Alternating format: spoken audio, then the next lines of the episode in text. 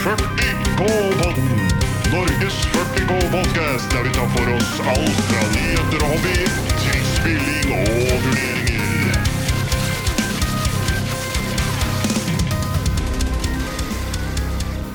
Hei og velkommen til 40K, en norsk Warhammer-podkast. Mitt navn er Glenn, og med meg har jeg to andre karer. Ultramarines sitt 26. HQ-valg, Frans. Hallo. Og mannen som spiller Hordearmé med 14 modeller. Det er Sian. Hallo, hallo. Hei. Eh, da er det podkast, da. Det er det. Ja, det blir spennende. Ja. Åssen er erfaringene med det? Hørt mye, ikke laga noen. Jeg har en eh, god samling av podcaster som jeg hører på, men jeg har aldri vært med på å spille noe på egen hånd, nei. Det blir første gang. Ja. Er samme her. Eh, Det nærmeste jeg har vært, er vel at jeg kjenner en som driver med podkast. Men uh, utenom det så blir dette noe nytt. Det er mer enn meg, i hvert fall. Ja. ja eh, til de som hører på, da. Så våre tanker da, om denne podkasten, det er jo at det er lite konkret om eh, Warhammer, og sånn spesielt 40K-miljøet i Norge. Så det å prøve å informere og skape mer blest rundt det, er jo en ting vi er ute etter. Så kanskje hjelpe de som eh, lurer litt. eh, Både med å organisere turneringer, kanskje være med på turneringer. Litt sånn generell info. Så det jeg tenker er at vi finner jo ikke på kruttet på nytt, men vi gjør vår greie ut av det. Ja. Så det kan Ja. godt være at uh, mye blir kjent igjen fra andre podcaster, hvis man hører på andre folk, uh, Warhammer-podcaster, da. Men uh, sånn blir det. Men denne Ja. gangen på norsk. Ja, ikke sant. Vi kan jo nevne det at eh, vi er eh, vi er ikke den eneste norskspråklige. Vi har også tidligere drittunger som har hatt uh, drittkastinga si en stund. Den har vært litt av og på, men det er også verdt å sjekke ut. Yes, eh, da har vi eh, temaene da, i dagens episode. Egentlig litt sånn eh, fast oppsett. Og det er jo eh, at vi snakker litt om hobby og gaming. Mm. Hva vi har gjort og hva vi har tenkt til og litt sånt nå. Litt nyheter og litt diverse fra internett eh, sine mørke kroker. Den norske 40K-scenen, der er det jo eh, litt av hvert som skjer. Eh, Kanskje ikke like mye nå om dagen, eh, men allikevel så er det litt å snakke om der òg. Og så er det jo en sånn episodens tema som vi tenker å prøve å ha med hver gang. Og i dag så skal vi snakke litt om det jeg valgte å kalle koronahammer. I og med at vi er jo i, midt i en pandemi, og det setter jo litt begrensninger på hva man kanskje kan gjøre, og ikke nødvendigvis eh, hva man vil gjøre, men eh, litt tips og triks eh, om vi har det til hva man kan gjøre for å holde seg motivert. Da. Ja, man må i hvert fall prøve å tenke litt annerledes enn det man kanskje har gjort tidligere. Så Sjøl så har jeg måttet vri meg ganske mye ut av rutiner som jeg har hatt tidligere, da. Så på godt og vondt. Så Mm. man må tørre å se eh, på, mot nettet, i hvert fall, har jeg funnet, for å kunne ha en litt mer hobbyhverdag enn det man kanskje ellers har. Ja, ikke sant. Men uh, før vi går i gang med det, så kanskje vi skal fortelle litt om hvem vi er. Så folk som hører på, får et inntrykk av hvem som sitter her og skrevler. Ja. Så Frans, kan ikke du eh, fortelle litt? Jo, jeg kan dra stafett, stafettpinnen videre, jeg. Jeg heter da Frans og jeg er 30 år. Jeg har holdt på med hobbyen i ca. seks år. Jeg vil si at jeg er en altmuligmann. Jeg spiller miniatyr, brettspill og kortspill. Det er eh, eh, et stort eh, knippe med figurer inni dette lille hobbyrommet jeg har hjemme.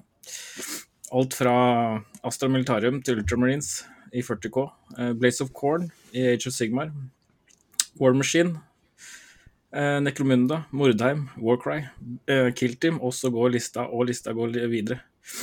Jeg starta denne hobbyen med War Machine, da, som er et veldig kompetativt eh, spill, eh, spill. Så jeg lærte vel egentlig å løpe før jeg begynte å gå. Men, med, men mer etter hvert så roa jeg meg mer og mer ned.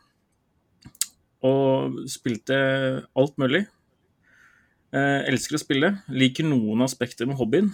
Eh, jeg sliter det med å male den samme duden om igjen og om igjen. Hvis du har en sånn unit med 20 mann, da, og de er omtrent monoposer hele gjengen, da kjenner jeg det går uh, treigt. Men hobbyen, den, den elsker jeg likevel. Ja, det er vel ikke så mange som liker å sitte og male 100 modeller i strekk, men det er jo måter å gjøre det enklere på. Så det er mye forskjellig man kan gjøre da. Ja. Yes. Hva med deg, Stian? Nei, jeg er, heter Stian. Er 39. Eh, Holdt på med 40K i ca. 15 år, er det vel snart. Jeg eh, elsker å spille. Eh, taktikk, strategi, law. Jeg hater å male. Jeg begynte med NIDS, og det passer veldig bra med det å hate å male. Um, var innom Space Marines i syvende edition når de var uh, White Scars kunne ha bikes som troops. Jeg testa Drukari og Grey Nights. Mm, kom aldri så langt forbi malestadiet der. Uh, jeg elsker kaos og har nå slått meg til ro med å teste Pure Chaos Nights i niende. Det er 40K på hard mode, men vi prøver. Det er spennende. Ja, utover det så har jeg litt X-Wing som jeg testa ut med kidsa. Eh, men jeg har én nå som digger Death Guard, og han liker å male. Det passer meg ganske bra. Jeg har én som spilte tau tidligere. Uh, eh, Mista litt interesse for hobbyen, men uh, kanskje en gang i framtida.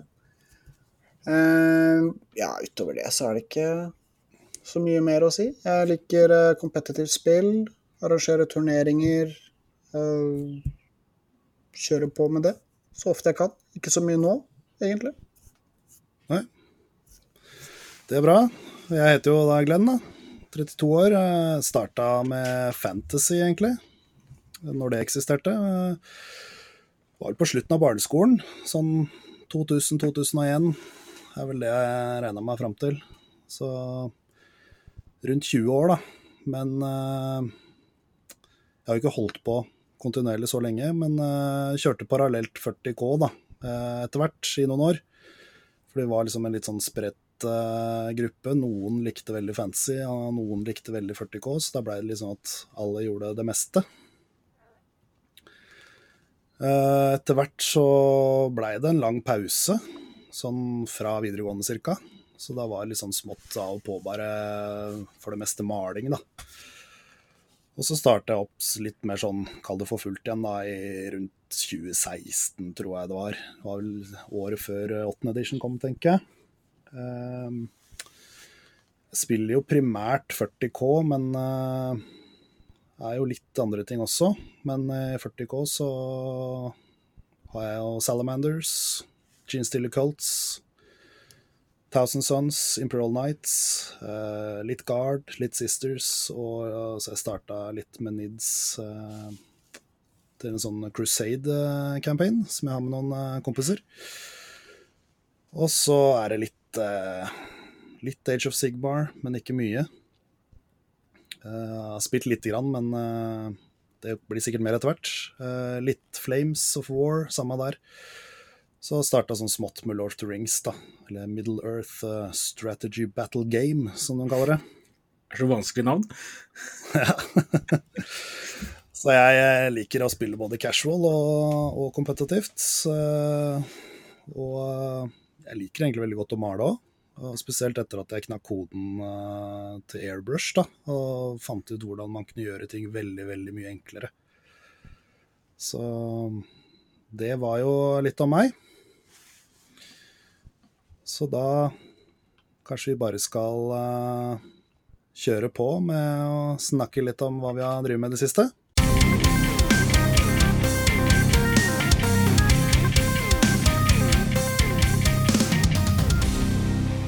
Ja, det er jo dagens uh, episodens første segment, så da kan jo jeg kjøre i gang, da.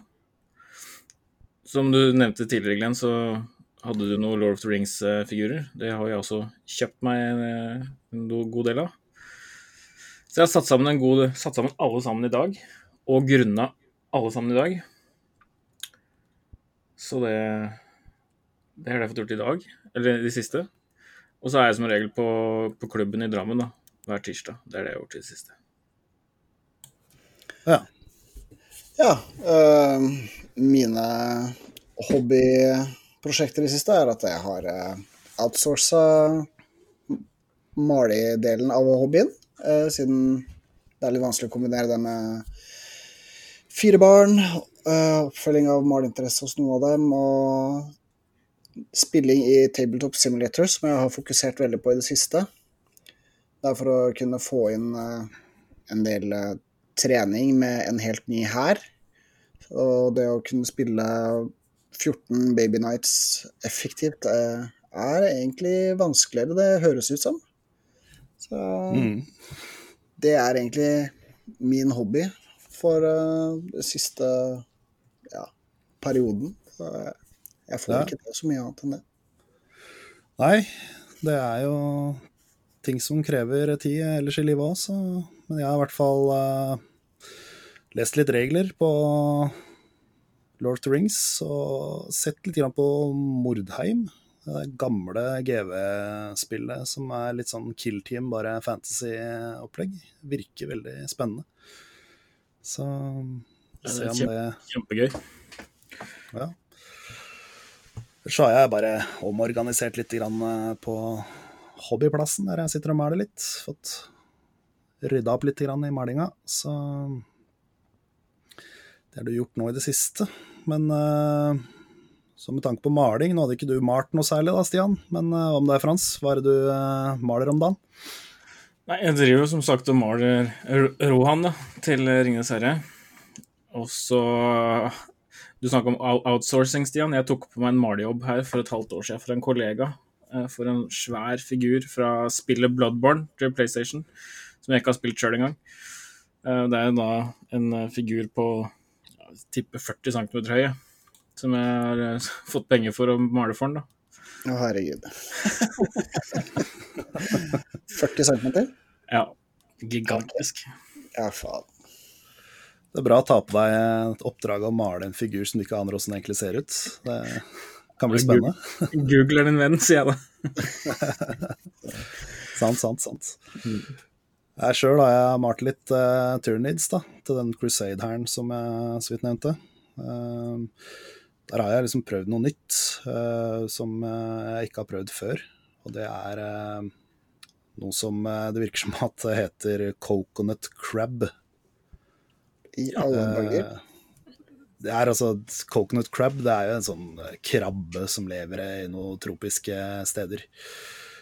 Men det er en måte man kan male turnids da, for å prøve å få det til å ligne på dette eh, krabbedyret. Og da det, det er prikker, da, for å si det sånn.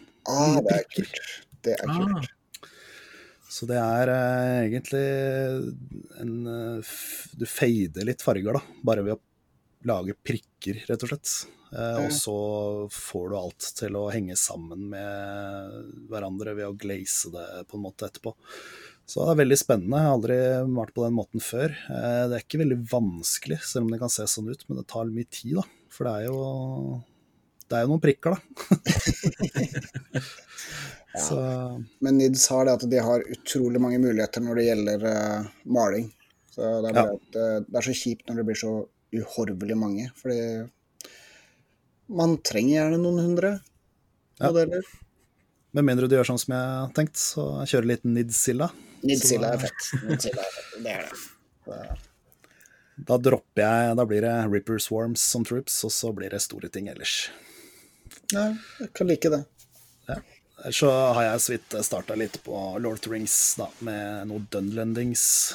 Så ser jeg åssen det går. Vik slemme vikinger. Kult. Alltid artig, det. Ja da. Og ellers er det noe dere har skaffa dere som enten ligger i the pile of shame, eller står i hylla ellers? Jeg skaffa meg fem pakker med War Dogs, som jeg da ikke er her lenger. De er, eh, har jeg sendt videre. Eh, og Death Guard-kodeksen har jeg kjøpt inn for eh, Junior sin eh, inspirasjon. Ja. Det er vel eh, kun det. Jeg har noen Morax eh, upgrades til eh, noen andre pakker med War Dogs som jeg må skaffe meg, fordi det her er en work in progress. Så det, Det er ikke sant? det blir vel noen Death Guard-modeller også ganske snarlig, tenker jeg. Selv om vi Ja, har det, eh, bøtter av Poxwalkers som uh, trengs å males. Selv om man Death ikke kan bruke så mange av dem akkurat. nei, Death Guard ser veldig spennende ut nå, da.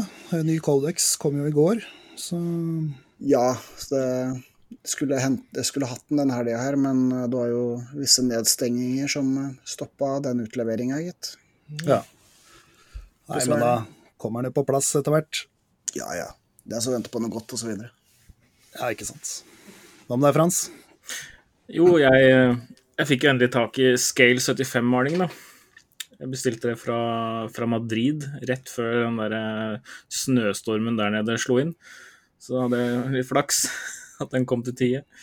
Ble ikke levert med hundespann, altså? Jeg ble ikke det, gitt. Ikke julenissen heller.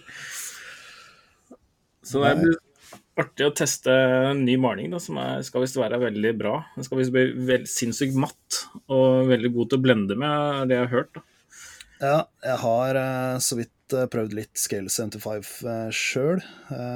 for det meste eh, gullfargene deres, og de syns jeg er veldig bra. Ja. Veldig enkle å male med kontra, kontra GV sitt, annet. Fordi eh, det er noe spesielt de har gjort med de pigmentene, så de er eh, Jeg veit ikke. Det, den, den føles mye mer kremete ut, på en måte. Ja. Det er visst mye mer pigmenter i selve tuben enn det er i vanlig Det som vi er vant med, da, på en måte. Mm, mm.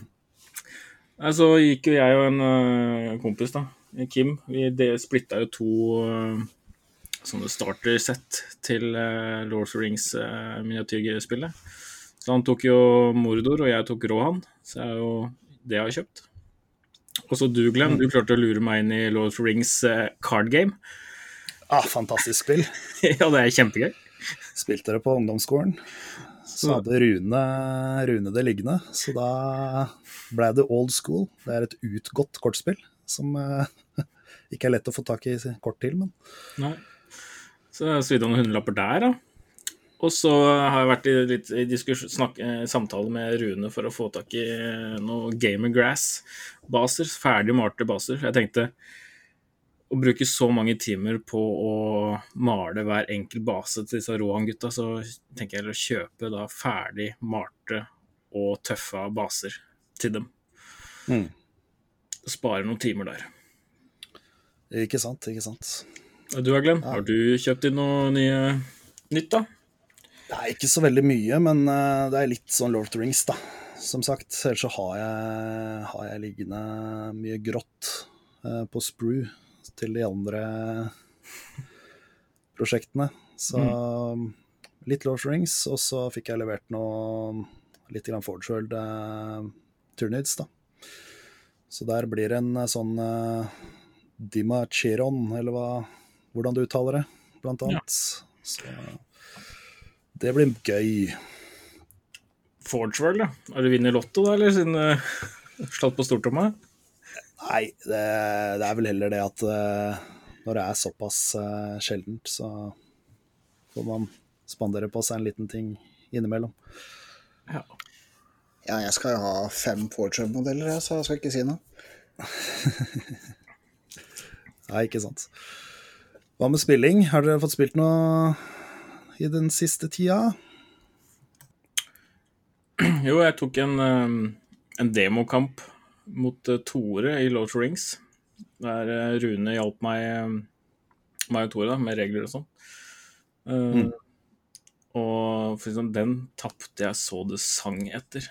Jeg lånte figurene til Rune, som er Minas Tirith, mot uh, Tore sine Mordor-orker.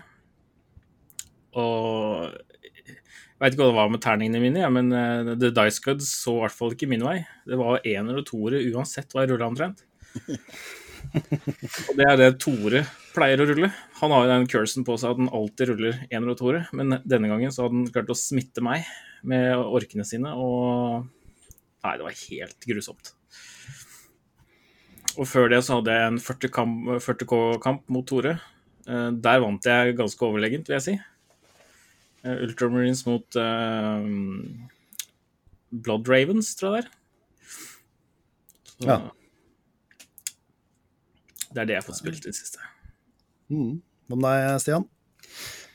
Ja, hvis man tar eh, januar, da, som på en måte er det som er verdt å prate om, da har jeg faktisk fått inn tre kamper når jeg tenkte meg om. Én fysisk, hvor jeg da prøvde noe så mye som Chaos Horde, med 90 kultister, tror jeg jeg endte opp med. Det, det er mot uh, Thousand Sons, og tapte 83-73. Det var en ganske jevn kamp. Men Ja. eh, da, angående terningsguder og sånn, da klarte jeg to saver i løpet av tre runder. Jeg, og da tror jeg faktisk ikke jeg overdriver. Jeg klarte flere feel no paints enn eh, oi. Og med, en- og med 90 cultists så må det jo ha vært noen saver. Eh, ja, de hadde jo ikke saver, for det er jo minus eh, på mye av det Thousand Sons kommer med. Så de der var jo i flokk. Men de hadde jo da, mange av dem hadde jo painen, da. Og to CP, så kommer de jo tilbake som de vil. Så det, men eh, det var en morsom kamp, og det var eh, mye for å lære. Men eh, det var den eneste fysiske kampen jeg har fått til. Mm. Og jeg har fått to runder i Tabletop Simulator. Da fikk jeg testa Chaos-spammen min, eller Night-spammen. Det var én kamp mot roligheten, og det, han spiller Ultramarines med reroll bonanza, og da tapte jeg 82-48. Det, Ja. det Jeg pressa ikke hardt nok, så jeg var ikke mer offensiv nok. Det tapte jeg på. Eh, andre kampen så spilte jeg mot eh, Imperial Knights. Det var en mye mer morsom kamp for eh, min del, for da vant jeg 97-55. Oi. Og da fant jeg ut at uh, Morax er uh, brutale mot Knights også. Når det da er uh, type 60 skudd, og halvparten av dem gjør uh, to damage per. Og det er det, Seksere er to ekstra hits. Det, det var så mye terninger at det Som faktisk funka da, for meg for en gangs skyld. Det var ganske deilig. Uh, Ja, nok skudd uh, gjør ofte mye, det, altså. ja da, og da var det jo da ni uh, melta spyd, og det var mye Det var mye som gikk fort igjennom, for å si det sånn. Mm. Og det er vel eh, Det jeg har fått inn av kamper da, for nå. Det blir nok mer de neste ukene. Det ser jeg godt fram til, egentlig. Det er veldig gøy. Ja. Jeg sjøl så har jeg testa en eh, litt sånn testkamp da, i Tabletop Simulator med en eh, kamerat. Eh, og det var jo spennende. Det var, var ikke så vanskelig å lære seg heller, egentlig, syns jeg. Det var vel heller det å finne kan du si, terreng og brett og alt sånt noe som gjorde det smoothest mulig, da. Men der, eh, der har jeg skjønt at det fins mye, mye bra liggende. Ja da, jeg har eh, masse tips som eh, kommer til å komme angående maps og sånne ting i Tabletop Simulator etter hvert. Så Ja. bare stålsette seg. Ja, Spennende. ikke sant. Og så har jeg spilt en fysisk kamp også, eh, nede på eh, Drammen eh, spillforening, på klubben der. Da spilte jeg Thousand Sons mot uh, Jonas sine klovner, Harlequins. Det var veldig spennende. Vi spilte 1500 poeng, og uh, jeg gikk inn i den kampen med ja, litt sånn tanke at uh, Mortal Wounds det funker bra mot uh, Harlequins, for de er ja, forholdsvis tøffe. De er jo ikke høytøffnes, men de har jo eh, 4 pluss pluss save over hele linja. De har mye minus 1 to hit i skyting. De har mye andre shenanigans uh, som disse psykerne sine kan gi. Men uh, det gikk jo ikke sånn veldig bra sånn til slutt. Uh, resultatet jeg husker ikke nøyaktig, men eh, jeg ble ganske overkjørt. Jeg fikk litt sånn hakeslepp når jeg hadde ni uh, Scarabical Terminators stående midt på brettet eh, i midten. Uh, og for, for, øvrig, grunnen til det var at han hadde jo diverse buffer på alt av det han hadde, så jeg fikk ikke skutt på noe. Fordi at det trakk, måtte legge på range, og det var minuser i hytt og gevær. Men jeg tenkte jeg skulle advanse fram da, med ni Terminators, som i utgangspunktet skal være ganske bra. Og så kommer han i sin neste tur og charger meg med sju Harlequin Troops, som bare slakter alle Terminatorene. Oi. Ja, de er jo helt brutale når de kommer inn. Det, det, det er ikke noe gøy å sitte og ta imot det. Jeg har vært, uh, vært i den enden med Nights på Invasion, og det, det er vondt, ass. Det er skikkelig ja. vondt. Men da kom jeg etterpå med min uh, Terminator Sorcerer, da, som var uh, Cult of Magic, Warlord med diverse ja, både Relics Warlord traits. Og han aleine uh, sletta jo alle sju um, troopsa pluss en troopmaster i Psychic Face. Så fikk jeg slått litt tilbake. Men jeg, det var en ny erfaring for meg, for jeg har ikke spilt noe særlig mot Harlequins før. og jeg tenkte nok at de kom til å være enda raskere enn det de faktisk var, men eh, allikevel så tok de meg på manøvrering, altså. Så Men, men. Uansett, det var gøy. Og jeg tar en kamp til, jeg, mot Harley Quinns, så får vi se åssen det går. Ja, greia deres er jo det at de reglene deres er at de kan bryte alle reglene i hele spillet, egentlig. Ja, det er eh, litt sånn eh, OK, jeg fallbacker, men allikevel så går jeg, advanser jeg, eh, skyter jeg og charger jeg, og ja det, De kan gjøre hva de vil når de vil, virker det som. Så, men sånn er det. Brutalt. ja. Yes, da er vi inne på hobby, så tenkte vi bare snakke litt om egentlig en modell som i episodens favorittmodell. Ja, jeg... Så bare nevne liksom Kanskje man har noen tips og triks eh, til hva folk kan se på hvis de ikke helt vet hva de vil ha? Ja, vi tenkte jo å ha sånn eh, en, en gang i hver episode at vi, har, eh, vi velger hver vår favorittmodell. Så mm, for januar da, så tenkte jeg litt upopulært valg. Og det er jo den nye Ultramarines kaptein som kommer. ja, det er jo han uh, captain uh, Uriel v Ventis. Vet ikke om dere har sett den, jeg. Nei. Det er han med bolleklippen. Å ja, han. ja. Bolleklippen, ja. uh, jeg syns selve figuren er ganske kul, for å være ærlig. Um, bare håper det kommer med en helm option eh, på spruen da, når den slippes. Ja, Hvis ikke så må du bare finne en annen hjelm. Han må ha på seg en hjelm, for å si det sånn. ja. Og det er også det. Ganske gromt med bolleklipp, ja, men det er, det, det er, helt tullete det der med power armor uten hjelm. Det er det er mest absurde konseptet i hele 40K. Det, ja. det er så teit. Jeg så litt på, jeg så på den derre um previewen som var i går. Uh, og da snakka de jo litt om akkurat det der, fordi uh, vi kom jo tilbake til den previewen, da. Men da var det litt sånn uh, Disse GV-gutta var sånn Ja, det er litt rart kanskje at man plutselig flyr rundt uten hjelm. Og så sa han andre ja, men det er jo ingen som veit hva slags force fields og annen teknologi som ligger bak. Men ja, jeg er enig. Det gir jo ikke ja. mening. Nei, gå ut i strid uten hjelm, det er jo det er beskyttelse. Det er jo mye sensorer og linsa deg gi deg informasjon, og så skal du da hemme deg selv med å ta hjelmen. Nei, jeg ser ikke poenget med det. Nei. Eh, nei, ikke jeg heller. Min uh, modell da, som jeg valgte til denne episoden, er uh, Barbed Hero Duel. Hvis dere ikke veit hva det er, så er det en Forgeworld Tyrannid som er ganske stor. Det er en tanks Det er vel på størrelse med en Land Raider, tenker jeg. Og massiv, eh, massiv modell. Fins i to varianter. Eh, sighted og barbed, også med close combat-utstyr eller skyteutstyr. Barbden barbeden syns jeg er litt kulere. Eh, og den er mye kulere in real life enn på bilder. Fordi jeg har alltid tenkt at den der eh, ser veldig rar ut. Den ser veldig flat ut, den ser veldig brei ut. Eh, men eh, jeg merka meg den når jeg var, var, en tur i Nottingham for noen år siden, i Warmer World. Og der får du sett alt som fins. Og da tenkte jeg bare oi, hvilken modell er det der?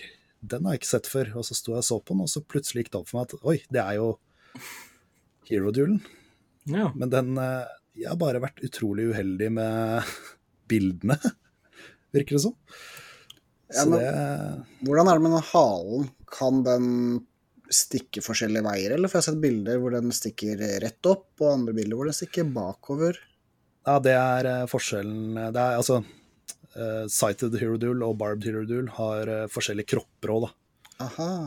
Det er på en måte samme species, bare Men uh, det er vel Det er en av dem som halen står lenger opp, ja. Og så har den close combat-varianten har en sånn acid spray-sak oppå ryggen. Så okay. det, er, det, er, forskjellige kropper. Men er, i bunnen er det jo samme type dyr, da, skal vi kalle det. Men den er, den er, massiv. Den ser ut som bare en ekstremt sinna fisk med masse kniver som armer og Ja. Det er, det er rått. Mm. ja, nei Min favorittmodell for det er vel egentlig Baby Night eh, Morax fra Forge World. Eh, litt mm. fordi jeg, jeg syntes det var veldig fin å spille med. Men den ser også litt mer tanky ut enn de vanlige, vanlige Wardogsa.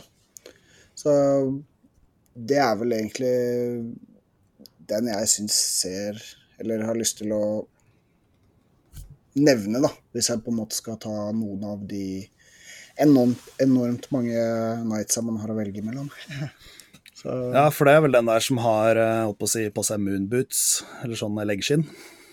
Ja, det er det. Ja. Da har han litt annet uh, toppshow. Ja, ikke sant. Ikke sant. Nei, men bra.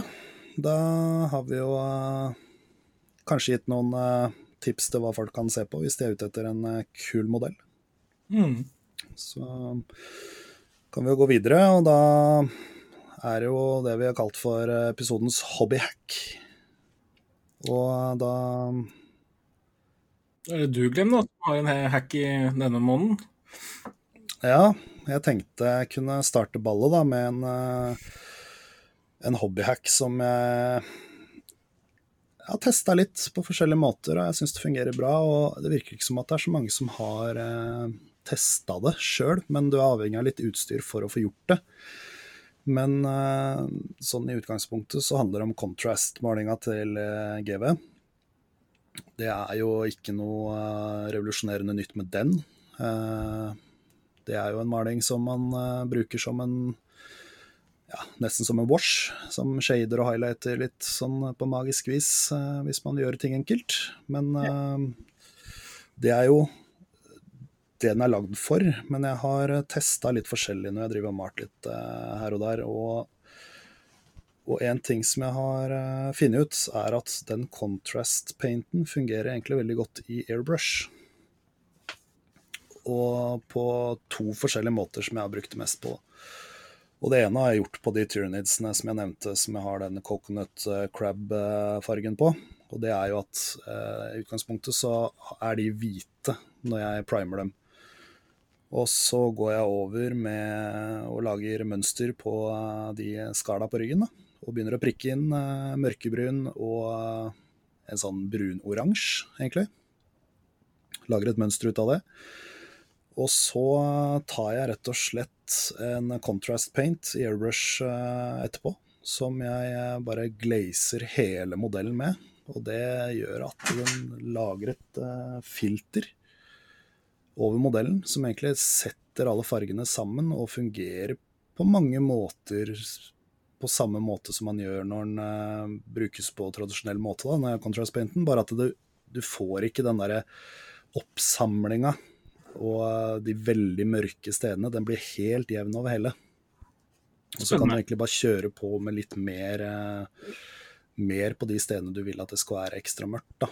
Og, og det også har jeg brukt det til på veldig mye annet. Uh, er f.eks. å ta en uh, den grå eller den svarte, f.eks. Jeg har mest brukt den grå eh, contrasten.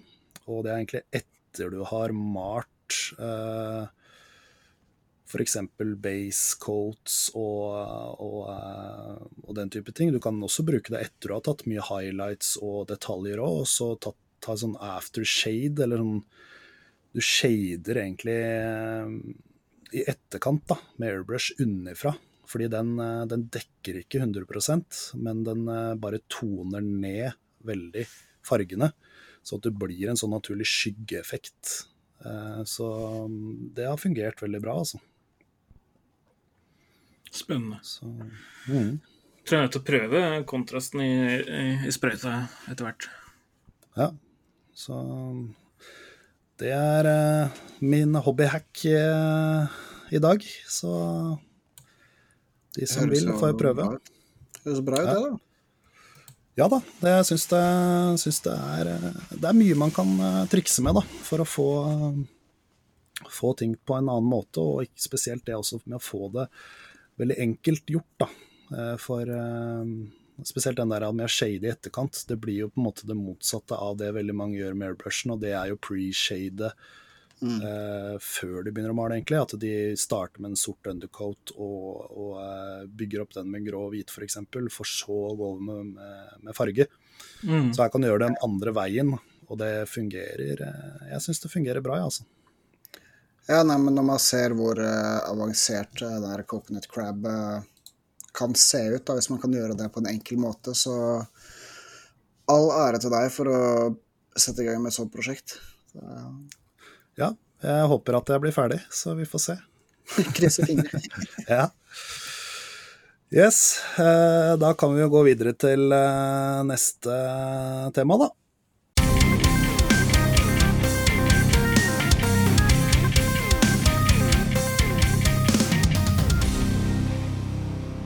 Ja, og det er jo nyhetene.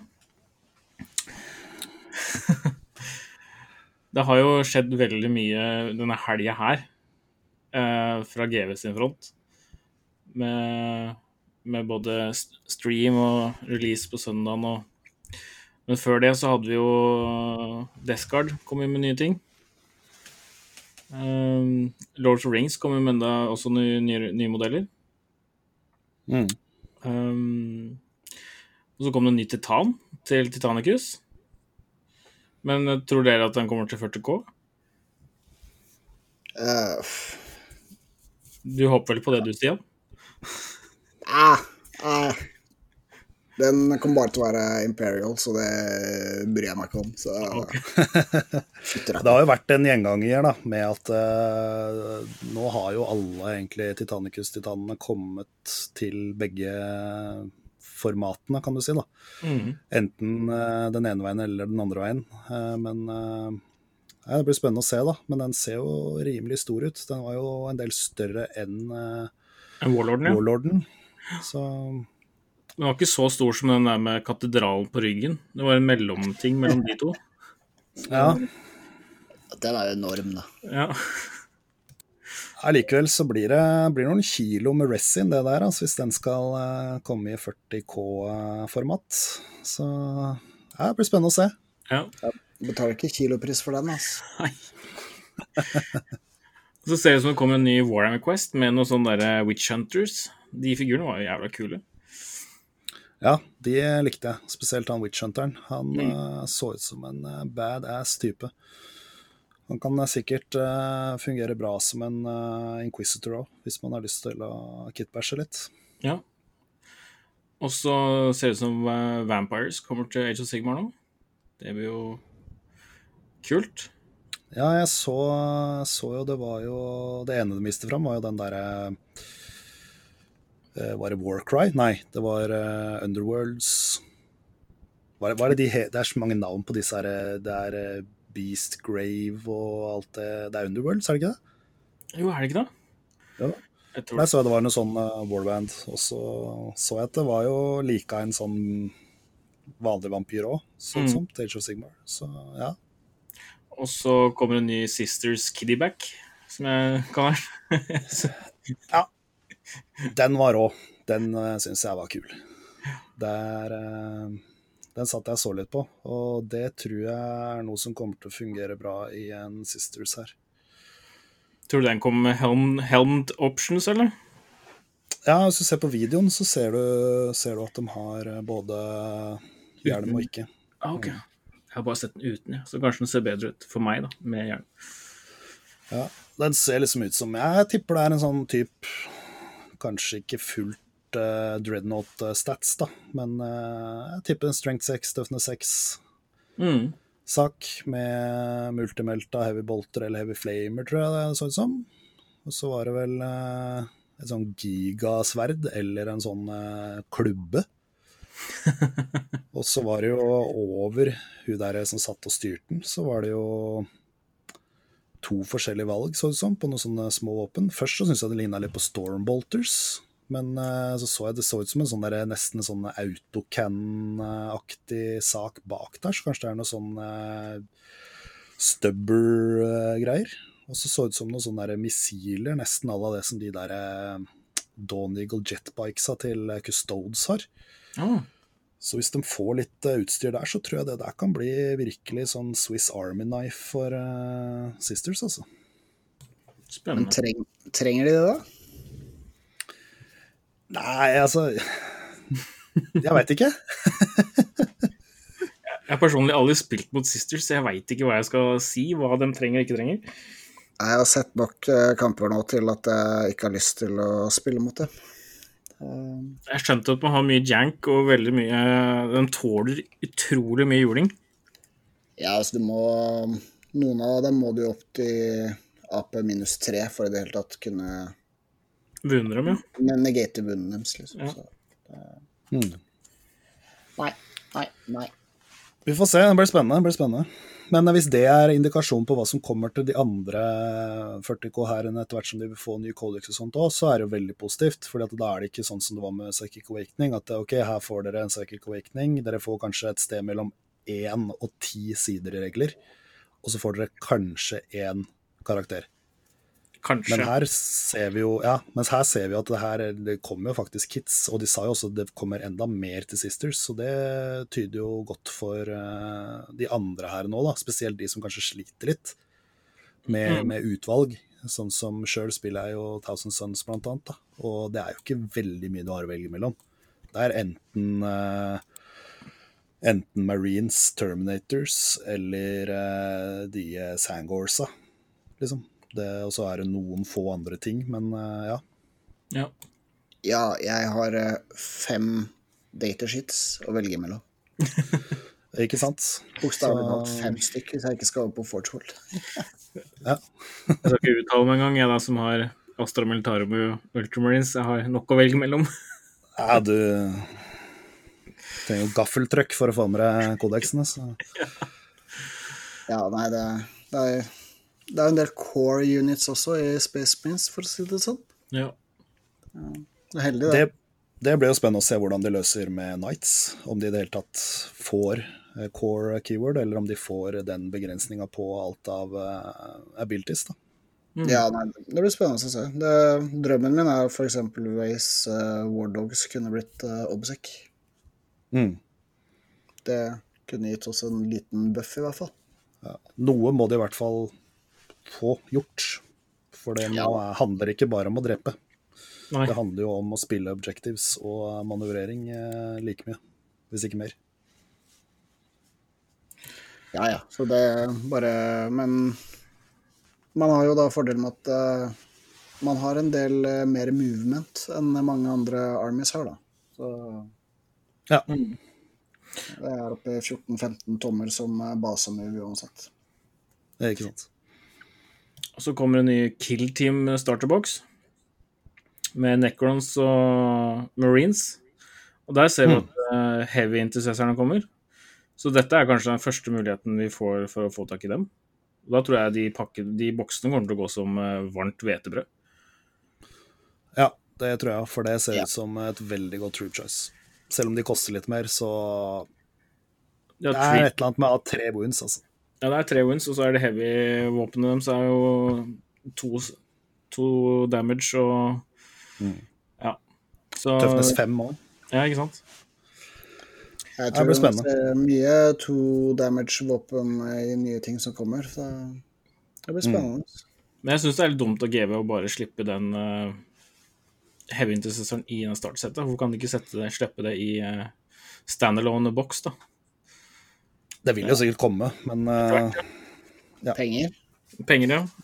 Vi det venter, er mulig, mulig det har noe med det å gjøre.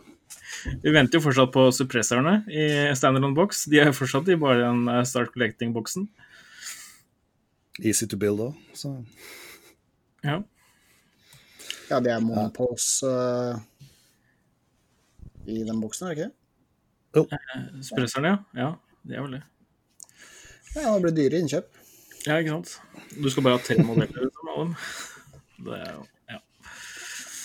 Jeg så kommet kom et ny FAQ, da. Og der, Glenn, har jo du eh, gjort en jobb. Jeg gikk over, og så prøvde jeg å ta ut i hvert fall eh, det som har noe for seg å ta opp. For det er jo mye småting som kanskje ikke er så interessant, men eh, vi kan jo se litt hva vi tenker rundt det, da. For det var jo litt endringer på, eh, på GT-pakka, annet. Den Grand Tournament-turneringsreglene. og der var jo en av tinga var jo at eh, du ikke kan velge om du vil starte eller ikke hvis du vinner roll-offen for, å- for første tur. Så jeg vet ikke hva dere tenker om det. Jeg tror det er et veldig fornuftig valg, jeg. Fordi det er eh, Det er eh, noen som bygger uh, armies for å gå som nummer to. Mm. Og de har den, ofte den fordelen at uh, hvis man taper kastet, så velger motstanderen å gå først. Og hvis man vinner kastet, så kan man fortsatt velge å gå som nummer to. Mm. Uh, altså, men det er fortsatt uh, Av personlig erfaring så er det jo fortsatt en fordel å gå først, uansett. I hvert fall med den type her jeg spiller. Ja. Så, men det er noe som har en fordel av å gå som nummer to, og det er flere og flere som bygger for det. Og da kan det på en måte veie litt opp. Ja, du får jo ikke planlagt på samme måten uh, med akkurat det.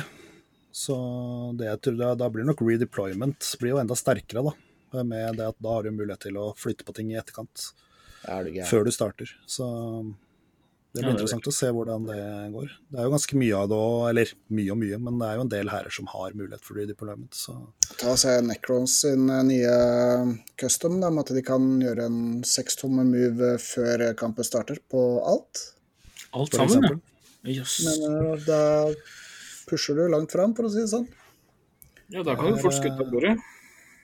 Ja, det er, er Selv om man, noe av dem, f.eks. Scarabs, har vel ti tommer, tror jeg det er. Og, men de kan fortsatt bare bevege seks tommer pregame. Men du kommer fort eh, lengre fram, da. Ja. Hvis du da går først, så har du jo dekka ganske mye. ja, ellers så kan du jo flytte ting ut av line of sight òg. Mm. Inn i cover og objectives. Ja. Mm. Og så er det jo scoring på slutten av siste tur. Eh, På, da for spiller nummer to, altså den som ikke starter, men eh, den Det som er en helt uh, fantastisk endring, spør du meg. Ja. Det har vel vært uh, en av de tinga som har vært etterspurt siden uh, det niende kom. At det balanserer det mye mer med å gå som nummer to. Ja, altså ikke minst så er det noe å, å spille for helt til runde fem er slutt. fordi at det er jo noen ganger at eh, du kommer halvveis ut i, i runde fire, så ser du egentlig at det her har jeg ikke noe sjanse til uansett, fordi han scorer eh, det og det i sin tur, så da er, da er det ferdig. Mm. Så det er veldig bra, det. Og da kommer det jo helt sikkert til å utvikle seg til å bli andre units som kanskje ikke har vært med like mye også, som kommer til å, å få litt sånn ny vår, da. Med tanke Mm. på de som kanskje er raske, eller eh, spesielt det er ting som kan redeploye da, underveis i spillet. Eh, eksempel Thousand Suns sin Relic, eh, den Dark Matter Crystal, Mm. Så du plutselig bare kan ta i moment-facen din og teleportere enten eh, han som har den, eller en infantry unit eh, hvor som helst på brettet. Det, det er snakk om å kunne score litt poeng der, altså. Ja, det å kunne spare den istedenfor å svine av i første runde, som ofte er uh, Alpha Strike-strategi nå, så kan det være veldig nyttig. Ja. Mm. Der har du også Necrons og, og orkene har jo også sånne mm. tactics. Også. Ja, Wheel of Darkness og The Jump er vel uh, mm. fine ting ja. å bruke der. Og ikke minst det med å kanskje sette av rett og slett noen poeng, da. Eh, I noen, eh, for det finnes jo noen lister som har at hvis en unit f.eks. er død, at du kan få den tilbake som reinforcement, da. Men mm. at det da koster poeng, men kanskje at det kan være lurt å sette av de 50-60 poenga for å få den cultist-squaden inn på slutten av gamet, eller jeg har to CP i bakhånd til å kunne kjøre en Tide of Traitors, ja. Mm. Det kan være greit. Men da må man jo ofte være innenfor uh, bordkanten, da, så da er man uh, ikke alltid i nærheten av uh, objektivet. Nei, det er jo sant. Med mindre man har noe secondaries, da. Som uh, for eksempel ja, ja. Hvis man trenger noe for å skyte noen av et objektiv for å kunne holde flere. Ja, ikke minst. Ikke minst. Så er det litt endringer på secondary missions, uh, som, uh, men det er, vel, det er vel kun eh, GT-pakka som det er endringer på. Jeg forstår sånn. Så da er det jo Aboard the Witch uh, som de endra på. Der scorer du færre poeng, egentlig, for hver Psyker Unit du dreper. De fant vel ut at det blei for bra mot Psyker Heavy Armies, spesielt Thousand Sons Grey Nights. De Ja, det ga jo bort poeng Nesten ja. i samme grad som Nights. Ikke sant. Og så er det Bring It Down ble jo endra. Eh, færre poeng, og så ble den satt til tre, eh, tre tiers også. Før var det vel bare over eller under ti wounds, var det ikke det? Mm, nå har jeg ikke den akkurat. Jo, det var vel det. Mm. Ja, og nå er det også i tillegg en til, da, for de enda større tinga. Så, ja. så, så, jeg er veldig glad for at jeg er veldig glad de justerte den. Mm. Ikke sant. Og så er det While We Stand We Fight.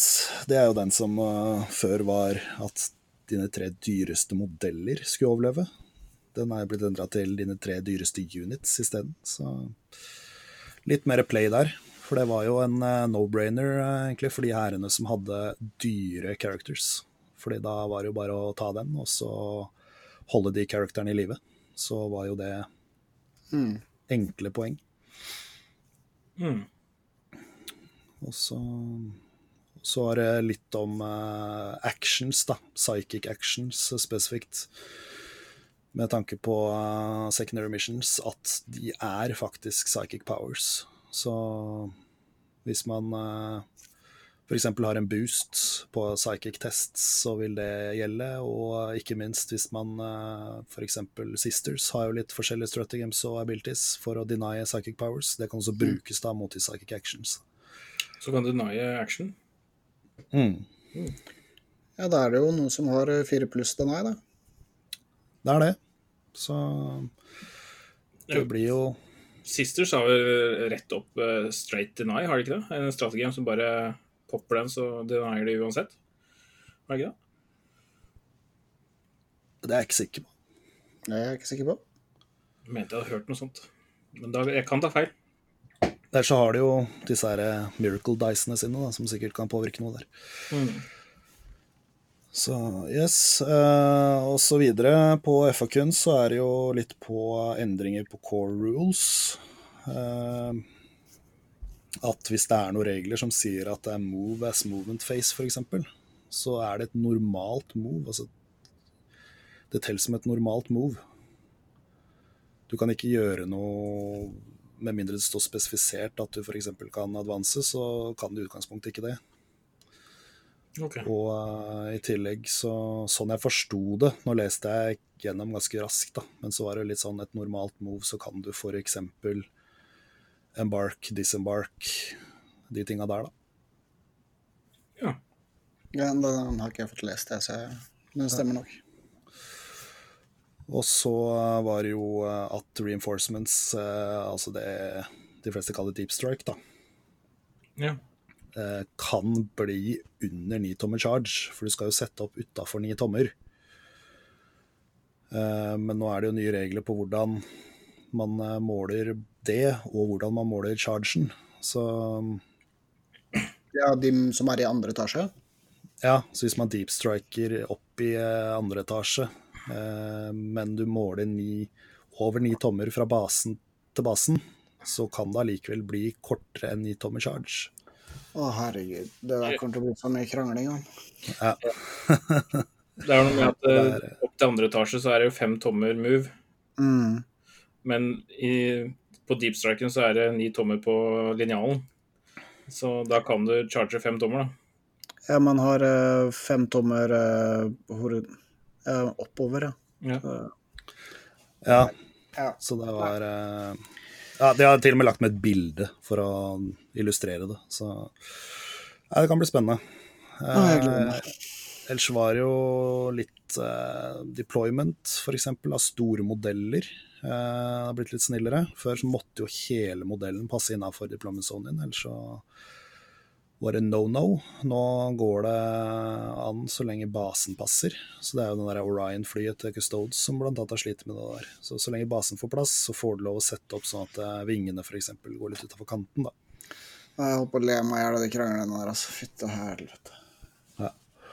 Ja, det er uh, mye forskjellig som skjer. ja. Så, Fits it sits, er det ikke noen greier der òg? ja. så var det jo Nei, det også var vel en uh, ITC-regel, det. Ja.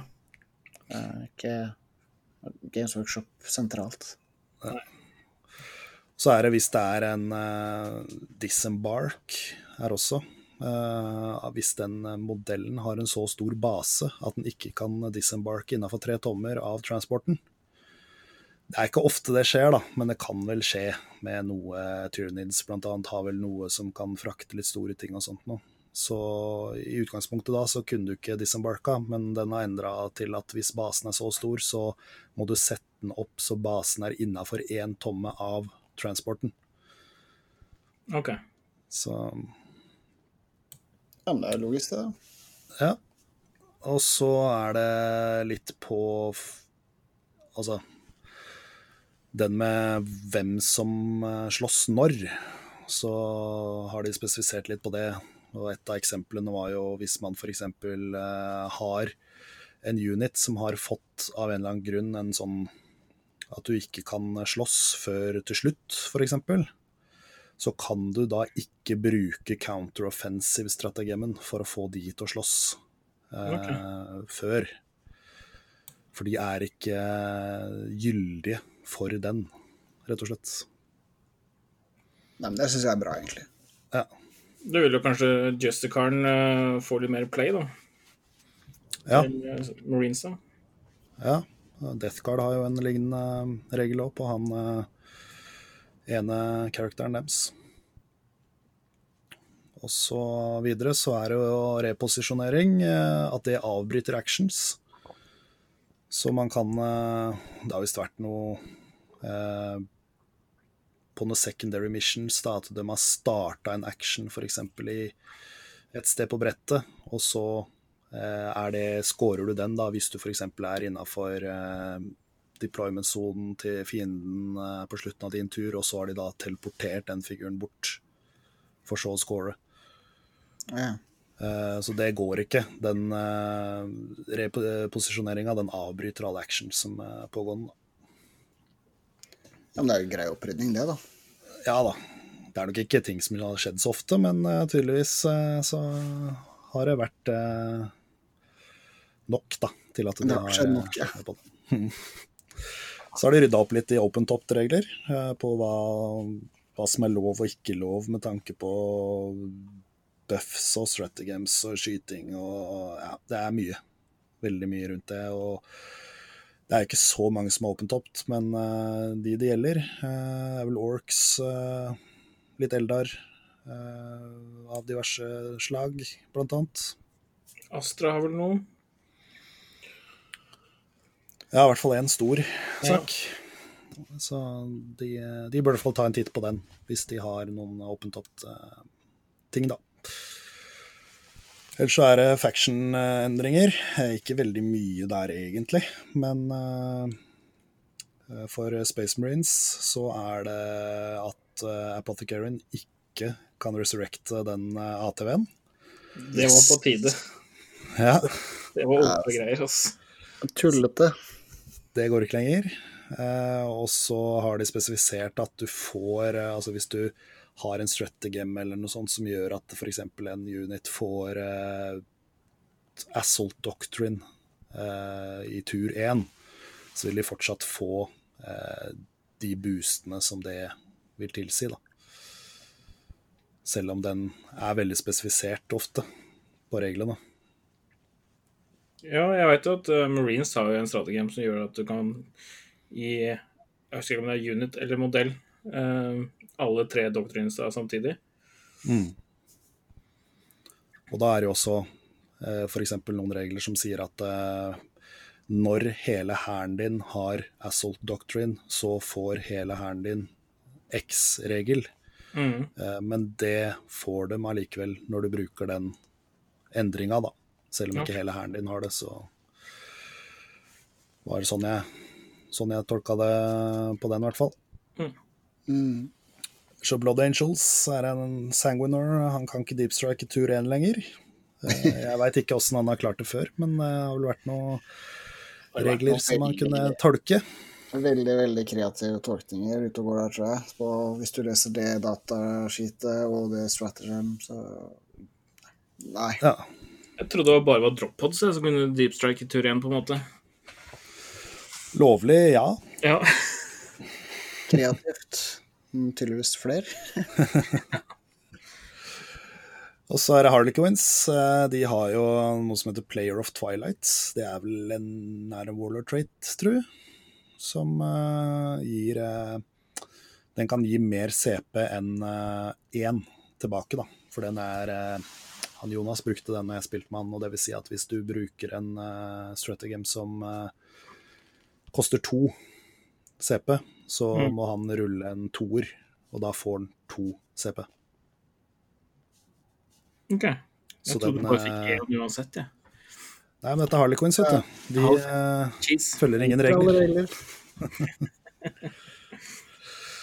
Ellers så er det Necrons, veldig lite, men Triarch eh, Stalkeren for Quantum Shielding. Det var på tide. Det skulle bare mangle. Ja. Og for Taus og for Shadow Sun, Supreme Commander-keywordet. Det er ikke mange som har det. Det er vel Gilliman og Shadow Sun som jeg kom på. Supreme Commander. Nei, usikker. Så det vil jo si at du kan kjøre en sånn eh, det detachmentet Mm. som du ja, slipper å bruke CP, da, rett og slett. Så lenge det er en Supreme Commander eller en Primark, er det vel, Ja. som er i den. Og så er det en endring på The Eight, eh, at det ikke koster masse CP for å ha med pga. at det ikke går opp i noe detachments eller noe sånt. Så Ja, men Tau trenger vel all den hjelpa de kan få, egentlig. Ja, det virker sånn, så vi får, vi får se. De ble jo nerfa litt ekstra i poengoppdateringa også. Ja, de har det ikke så lett om dagen, stakkars. Nei. Da, apropos poenget, så var det litt på Nights, da. Der har jo du eh, Ja, jeg tror jeg sparte 180 poeng på den lista jeg jobber med. Eller jobba med. Så plutselig var jeg oppe i 245 på Sunning-poeng, eller noe sånt. Nei, nei. Så jeg har rejustert hele tida. Da da har jeg endt opp med flere Morax, da. Så, og nå er jeg oppe i 14 modeller. Det, Ja. Me like. Det er bra. For uh, ellers er det jo Marines, da, som er bare litt små justeringer her og der. Eh, Drukari, eh, der gikk det ned en del over hele linja. Det var vel eh, Drassar, tror jeg, som gikk opp ganske mye. Eh, men ellers så var det mye troops og, og ellers andre units som gikk ned en del i poeng. Og spesielt bikesa ble jo halvert. River Jet Bikes. Det trengte de, eller? Ja, det er åpenbar eh, feil. Så Ja. det er ingen grunn til at de skal gå ned så mye. Nei. Og så gikk vel alle special weaponsa ned en del i poeng òg, sånn at de havna vel en fem poeng ned eller noe sånt nå i snitt på alle special weapons. Ja. Kan du se mye mer Drakari eh, her, da, eller? Vel, eh, nå først eh, Ved månedsskiftet så starter en online-turnering. Og da har jeg allerede fått spørsmål om jeg kommer til å tillate poengene fra Reaver Jetbikesa. Ja. ja, det, det gjør jeg, fordi det er de tallene som er gitt. Men uh, vær også klar over at eh, hvis det kommer en fakk, så må du justere uansett når den kommer. Mm. Det er bra. Ja. Er det Tyranids. Eh, litt rar endring, egentlig. For Zone Tropes de gikk opp i poeng, men uh, veldig mye annet gikk ned. Eh, inkludert Hiveguard, som kanskje er en av de tinga som gjør mest for turnits i en kamp. Så veldig spesielt. Uh, uh, Imperial Guard litt opp sånn i snitt. Bullgrins gikk ned litt. Det var bra. Gene Stealer Colts gikk Abrants ned i poeng. Det også trengtes. De var altfor dyre. Eh, For Taus så var det Tactical Drones, eh, Uniten. Så jeg tror ikke, hvis du kjøper de til en karakter, at de gikk opp. Men hvis du kjøper de som en egen fast attack-unit, så gikk de opp. Det er Ja, det kan jeg på en måte skjønne, fordi hvis de kun er to, så kan de ikke ta lookout service, men hvis de er tre, så kan de jo det. Mm. Ikke sant? Så eh, Ellers så er det Chaos. Da var det Terminators, Raptors og Warp Talons. De gikk ned. Og så var det jevnt over eh, litt grann opp på en del andre ting. Men ikke noe sånn utrolig. Så Yes, da har vi i hvert fall gått gjennom den uh, FAQ-en eh, noe. Og så får folk bare lese over sjøl òg. Mm. Tenkte å hoppe litt tilbake igjen til eh, de eh, releasene som har vært. Mm. Så eh, Age of Sigma fikk jo en ny Lumineth model Og en ny vampyr. Den første som vi så, var jo litt Jeg syns den var litt meh. Den første med rødt hår og flaggermus i håret og sånt. Men jeg syns det, det mangla en god del på den, da. Jeg vet ikke om dere, mm. dere har sett den, da? Ja, jeg har sett den. Jeg syns den var kul, jeg. Eh, Det var jo litt rart med de flaggermusa i håret òg, men eh, det er sånn all in all Ja. OK. Og Deskard ja. kom jo med ny kodeks. Det er vel eh, Yes! Yes! Men er det nye Poxwalkers, eller er det, eller er det de samme fra før? Nei, det er de fra Dark Imperium-settet. Ah, ok. Så de er eh, nye i den grad at du ikke har fått kjøpt dem utafor den boksen tidligere. Mm. Gratulerer. Jeg tror faktisk man har noen deler av en eller annen Space Nei, eh, Plague Marine på en av spruesa også. Rett og slett eh, tatt over. Ja da, de har ikke lagd nye. Mm. Nei da. Greit, det. Ja, ja, så- Men den Lord of Verlands-modellen ser jo dritfet ut, da. Ja, den var kul, den. Den Mm. dobbel uh, Plague Spitter eller eh, dobbel Flamer eh, Våpenet ser jo dritbra ut. Så det, jeg liker den modellen. Jeg syns også de der Chosen of Mortarian også var kule. De tre dudesa. Mm. De fikk jeg ikke med meg, faktisk. Likte du ikke med deg? Nei, nå må jeg Det var vel Ja, ja, ikke det noe Jo, de er også, de er også fra den eh, Dark Imperium-boksen. Ja, i hvert fall noen av dem. eh, I hvert fall han ene er veldig derfra. Jeg har alle tre Ja, ikke sant. ganger to. Mm. Så, dessverre. Det er vel de eh, De sjefene, holdt jeg på å si, fra Mm. den boksen. Mm. Jeg tror faktisk jeg har dem ganger tre. Ja. Og så kom jo Ringenes herre med enda flere dudes. Haldir på to modeller. Det var eh, to forskjellige weapon options, så det som, med bue og et ene sverd. Og så var det en pakke med Frodo og Sam og Gollum i én boks. Og så kom eh, Gildor, tre modeller, én med hest. Og så kom noen dauinger, da. Barrow Rights og Deadmarsh Spectres.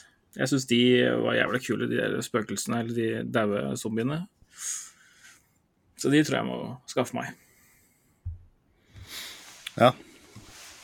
Det var kule modeller. Det er vel mye av det som kom der, som har vært før, tror jeg. Så det er sånn re-release på mange av de modellene. Ja. Så vidt jeg skjønte. Og så ser det ut som uh, Stormspeederen kommer, og Bladeguard Veterans kommer i multipart set, sammen med Eradicatorene. Ja, det er neste ukes preorder. Ja, det var det. Lanserte det i dag, eller I dag. Ja, i dag? Er det kom nå i stad, den. Så Jeg leser meg opp. Dark Angels-supplement òg. ja. Stemmer det. Og så en Psychomancer til uh, Necrons. Så er det vel Er det ikke Drukari-kodeksen som er neste? I februar, eh, mener jeg. Mm. Så det kan også bli spennende å se hva som kommer der. Ja, da blir det bevegelse lokalt her i hvert fall. Da har det en som er veldig glad i å spille Drukari, så jeg gleder meg til å ha ham få kommet i gang ordentlig. Mm. Ja. Det er veldig bra.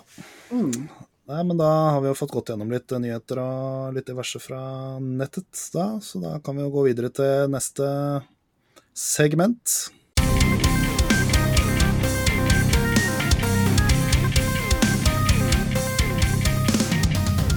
Yes. 40K-scena i Norge. Ja, Den eh, er ikke akkurat så ekstremt aktiv eh, akkurat nå med lockdown og alt sammen, da. Så fysiske turneringer er jo ja, umulig å arrangere, og spillklubbene har begrensa aktivitet. Sjappene man drar til, er stengt, og det er ikke så gøy å besøke folk heller i disse dager. Så, men vi kan jo ta og se liksom hva som skjedde da, tilbake i 2020. Mm. Men først, eh, det er noe som er planlagt for året. Det er Norsehammer som egentlig skulle vært i mars i Stavanger. Det som var Armacon. Jeg kommer til å kalle det Armacon til jeg dør. De har flytta til september. Eh, Og da Invasion, som egentlig er i september, har de flytta til oktober. Så man kan opparbeide seg litt eh, konepoeng og litt eh, fritid. Utover det så er det ikke så mye. Eastfold Warzone, som jeg har pleid å arrangere, står helt stille nå. Jeg kommer ikke til å gjøre noe som helst før ting er mye klarere. Nei. Eh, Drammen eh, rundt Midgard så er det vel ganske rolig nå. Ja, det har jo vært det en god stund nå. Eh, Vi hadde jo sist noe arrangement i sommer. Når det Mm. var liksom Det så veldig lyst ut. Det var jo knapt smitte å spore, ikke sant. Ja, ikke sant? Så, men siden den gang så har det vært lite som har skjedd hos oss òg, og vi må jo bare vente og se til det er både forsvarlig og lovlig. Ikke sant. Så er det noe jeg ikke gidder å gjøre, så er det noe uforsvarlig, for å si det sånn. Så det Større ting er i hvert fall satt på vent uh, lenge. Eskaleringsligaen vi hadde, har vi stoppa alt. Det er ikke noe, det er ikke noe gøy i det hele tatt. Så. Men 2020 hadde jo noe gøy, da. Uh, kan jo se før eh, der pesten her, holdt jeg på å si, brøt ut, så hadde man jo Armacon i Stavanger. Jeg var jo der og spilte, det var kjempegøy. Mm. Og det var jo pre-Marines FAC som uh, slo dem ned ganske heftig, og da hadde jo åtte av topp ti inneholdt power armor i en eller annen form. Det var den perioden der, ja. Det var kjempegøy. Eh, hvis du tar med custom, så var det ni av ti. Eneste som eh, på et eller annet vis klarte å komme seg opp der, var jo Bjørn sin orkeliste. Den var helt sjuk. Jeg spilte mot den. Det var vel 420 modeller. Ferdigmalt, eller? Ja, ja, ja. Oi! Og- ja, ja, det er dritbra. Så jeg spilte mot den lista. Jeg, når kampen var ferdig, så hadde jeg drept 120 modeller, og så ikke ut som jeg hadde tatt noen ting av bordet. Så han er sjukt effektiv når han spiller. Så han hadde ti igjen på klokka og alt sammen. Det var helt, helt utrolig. Han er jo Han elsker å spille horder. Jeg har spilt mot eh, Ren, eller Traitor Guards tidligere når han har spilt det. Er kjempehyggelig kar å spille mot. Men eh, at han eh, hadde en levelig rygg etterpå, det var helt utrolig. Så. Eh, Invasion gikk jo av stabelen også. Og da var det jo Are Verlo som eh, vant den med en Slanesh-liste, Demons. Det var ganske kult. Ja. Men da så man jo effekten av den fakken, for det var det bare to Power Armor Armies som var topp ti. Tre hvis man tar med Custos der òg. Det var ganske stor endring. Så Rasmus kommer på andreplass, tror jeg, med Harlequins. Så hvis man da tar og ser på spillerne i Norge, da, hva som gjør det bra, og så ser man jo pekepinn. Det er Rasmus, han er jo det som er høyest opp der. Rasmus Fredriksen som spiller uh, Harlequins eller uh, Drukari. Drukari. Litt forskjellig, men det er vel Harlequins han har spilt mest. Jeg har spilt mot ham et par ganger, og det har fått juling hver eneste gang. det tror jeg mange har. Så Nei, det, han er utrolig flink, utrolig hyggelig og kjempesympatisk kar. Jeg syns det er kjempegøy hver gang han kommer på en turnering. Så, men hvis man ser bort fra alle svenskene som er på den lista, så er det da Rasmus som er nummer fem. Og så er det Brikt som eh, ligger som nummer 15. Han var fjerde på Invasion og en god del lokale småturneringer. Så jeg tror han vant eh, Best Overall på Armacon, hvis jeg ikke husker helt feil. Mm. spiller Space Marines da i forskjellige varianter. Det, White Scars og Iron Hands, hvis jeg ikke tar helt feil. Eh, Etter det igjen så er det vel Roligheten, da, som ligger som nummer 21. Beste var jo 14. på Invasion og banka oss alle sammen lokalt. Eh, han er jo kjempe, kjempehyggelig å spille mot. Uh, mye Ultramarines, da. Så da. Ellers er det Bjørn Helge som ligger som nummer 45, da. Han spiller Sisters. Han Har spilt mye lokalt. Uh, spilt ikke på Armakan, for da arrangerer han vel. Så Ja. Problemet med der BCP-lista her sånn er jo det at den har både fysiske og digitale turneringer. Mm. Så man har jo ofte ITC, som man kan se hvem som gjør det bra, men ITC har jo vært kansellert hele sesongen pga. Ja. covid. Så det er litt uh, blanda eh, tabell der, da. Så Men selv om man spiller fysisk eller man spiller digitalt, så er det jo fortsatt samme prinsippet om at man er eh, flink i spillet eller ikke. Så Helt klart. egentlig de som eh, ligger høyt oppe da, på den skandinaviske delen av tabellen. Så, Ja. Det blir eh, spennende å se nå som eh, de har en heldigital sesong eh, som heter så mye som T5 S2, som er systemet. Det er en eller annen rar kombinasjon av TTS, uh, Tactical Tortoise. Ok. Så da kommer jeg til å prøve å få arrangert noe der. Og da er det også sånn skandinavisk tabell.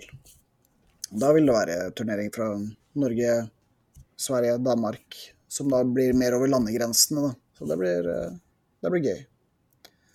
Um, det var Kanskje vel- litt mer om det neste gang. Ja, det satser vi på i hvert fall. Men det var i hvert fall eh, en kort oppsummering av eh, siste året, kan man vel si. Ja, det er bra, det. Så mm. da kan vi jo bevege oss videre og fortsette å snakke om eh, det siste året.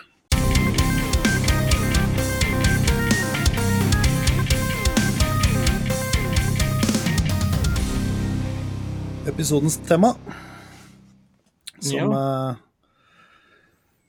tenkte å kalle så, noe så morsomt som koronahammer. Det er jo Dekker ganske bra. Ja. Så da kan vi jo se på det. Så da er det jo, som alle veit, vært et uh, spesielt år, da. 2020. Det Starta i midten av mars ca. Pågår fortsatt. Litt opp og ned I kommunen, hvor ja. eh, Ja. Mye som har skjedd her og der, men eh, det har jo vært eh, spesielt. Eh, vet ikke åssen har 2020 vært for dere? For min del så har det vært uh, mye bremser. Da, ja, som arrangør av turneringer så har jeg først prøvd å flytte, før jeg endte opp med å kansellere. Eh, så har det jo da vært mindre spilling for min egen del. falt litt av for regler for å liksom holde meg oppdatert på det. Så finner litt mer eh, eh, motivasjon for å hente meg inn igjen der nå, da. Så det blir spennende å se. Både for regler og spilling og alt sammen. Mm. Mm. Ja, sånn for, eh, for meg og vår del, så har jo 2020 vært samme som deg og Stian. Det har vært eh, mye mindre spilling enn det vi har planlagt. Og turneringer har blitt forskyvet og kansellert. Og det har liksom vært vanskelig å, å kunne planlegge noe, noe eh, fast. da, Fordi du veit ikke hva som skjer om en uke eller en måned. Og så er det liksom å holde liv i, i klubben, da, i det Drammen spillforening, som uh, har liksom vært uh, min pågang, pågangsgiver, da. Mm. Nei, det er jo Dere har jo summert det godt opp, dere. Eh, På det samme som jeg tenker. Altså det, det har vært seigt. Vært noen lyspunkter her og der, men eh, det har liksom bare gått i tusen knas igjen eh, gang på gang på gang. Så vi får krysse fingra for at det løser seg etter hvert, sånn at vi kan få i gang noe mer igjen. Ja. Så hvordan er det det har påvirka hobbyen, da? Sånn for deres egen del? Jeg har jo fått tid til å male litt mer, da. Kan man si det Ja. Det er jo flere på, på klubben nå som har jo hatt uh, mye hjemmekontor og har hatt mye mer tid til å, å drive med hobbysiden av, av, av denne hobbyen. Da. Med å Mm. male og sette sammen og, og bli ferdig med backloggen. Da. Det er viktig, det òg. For min del så har det jo, som jeg nevnte, at det har påvirka meg det at jeg ramla av litt mer. Så Men Ja. den demotiverende delen, da. Ja. Jeg tror det er mange som kjenner seg igjen i det der, altså, for at det er eh, Man blir vel kanskje litt sånn rådvill etter hvert, at det, du føler liksom bare ja, det, det går i sirup hele tida, og hva Du får ikke spilt, og så Det er jo en trigger for at du kanskje har lyst til å gjøre mer, da. Eh, Det å spille, og så blir det ikke noe av det. Og så, så. Det er derfor jeg tenkte liksom å ta opp disse tinga her, da, sånn at vi kan uh, kanskje finne finne noen uh, ideer til uh, både oss sjøl og ikke minst de som hører på, da, om hva de kanskje kan gjøre, da, hvis de føler at det står litt stille. Ja, for min del så er det bare prøve å unngå den fella av å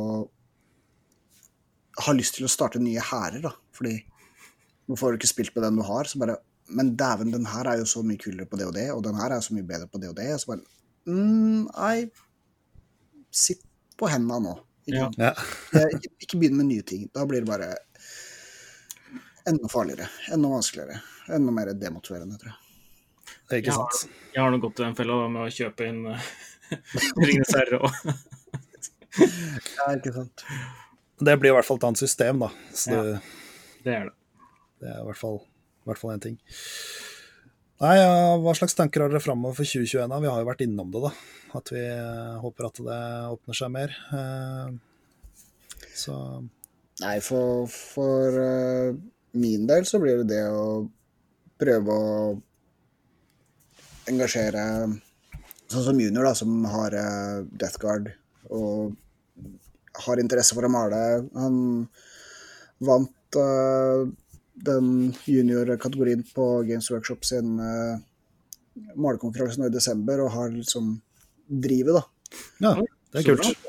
Ja, det er kjempestas. Og han syns det er kjempegøy. Og nå har du jo Vi har som sagt et par eh, Dark Imperium-bokser som kan males, og han han har mye han kan jobbe med, så han prøver å finne en struktur, da, så han kan sette seg ned og male litt når han har lyst. Og, for det blir jo mye hjemmetid for han, og han kan ikke sitte og spille Minecraft hele dagen.